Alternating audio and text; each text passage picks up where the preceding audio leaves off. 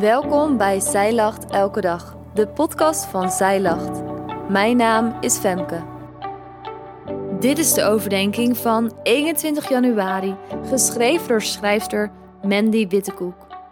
Ik vind het fascinerend om over het volk Israël te lezen. Het leest als een spannend boek. De uittocht uit Egypte, de 40 jaar in de woestijn en tot slot het innemen van het beloofde land. En vooral de ups en downs die met al die gebeurtenissen gepaard gaan.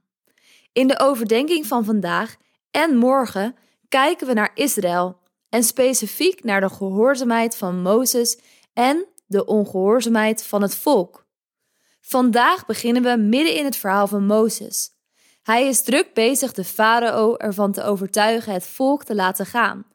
Maar die houdt keer op keer stijf zijn poot om moedeloos van te worden. Toch blijft Mozes gehoorzaam en vastberaden. Als reactie op Mozes maakt de farao de situatie van het volk alleen maar zwaarder en stelt onmogelijke eisen. Het leven van de Israëlieten wordt steeds ondraaglijker. De twijfel en weerstand van het volk groeit en dat laat ze niet ongemerkt voorbij gaan. In Exodus 5, vers 21 staat: en zij zeiden tegen hem: Mogen de Heere op u toezien en mogen hij oordelen, omdat u ons in een kwade reuk gebracht hebt bij de farao en bij zijn dienaren, door hun een zwaard in handen te geven en om ons te doden. Stel je eens voor dat je in de schoenen van Mozes staat. Je probeert gehoorzaam te zijn door een opdracht uit te voeren die je vanaf het begin af aan al een ongemakkelijk gevoel geeft. Vervolgens ervaar je alleen maar tegenstand van de farao in kwestie en nu komt het volk dat je hoort te redden ook nog eens in opstand. De last op Mozes' schouders neemt toe en hij zakt steeds verder in elkaar. Maar dan keert hij zich tot God. Dit staat in Exodus 5, vers 22 tot 23. Here, waarom hebt u dit volk kwaad gedaan? Waarom hebt u mij gezonden?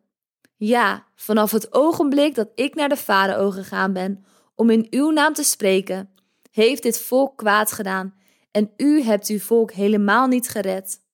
Mozes had kunnen weglopen. Hij had, net zoals Jona, kunnen besluiten dat dit hem te veel was, dat gehoorzaam zijn te veel woog.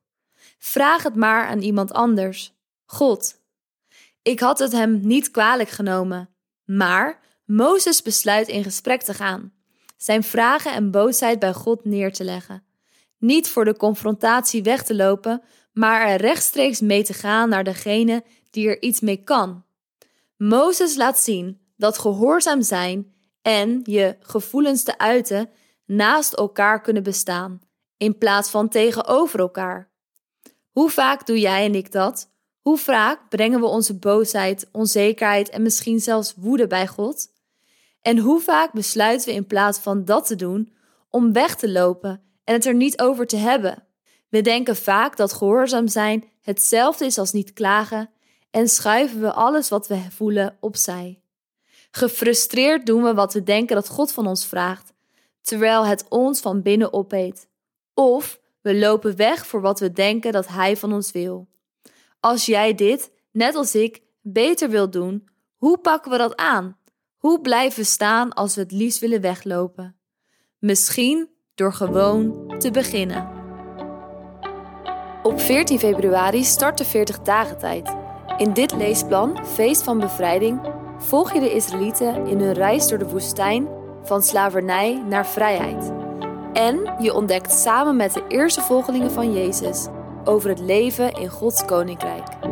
Wil jij meer toeleven naar Pasen? Bestel dan dit 40 dagen tijd leesplan via onze webshop. Dankjewel dat jij hebt geluisterd naar de overdenking van vandaag.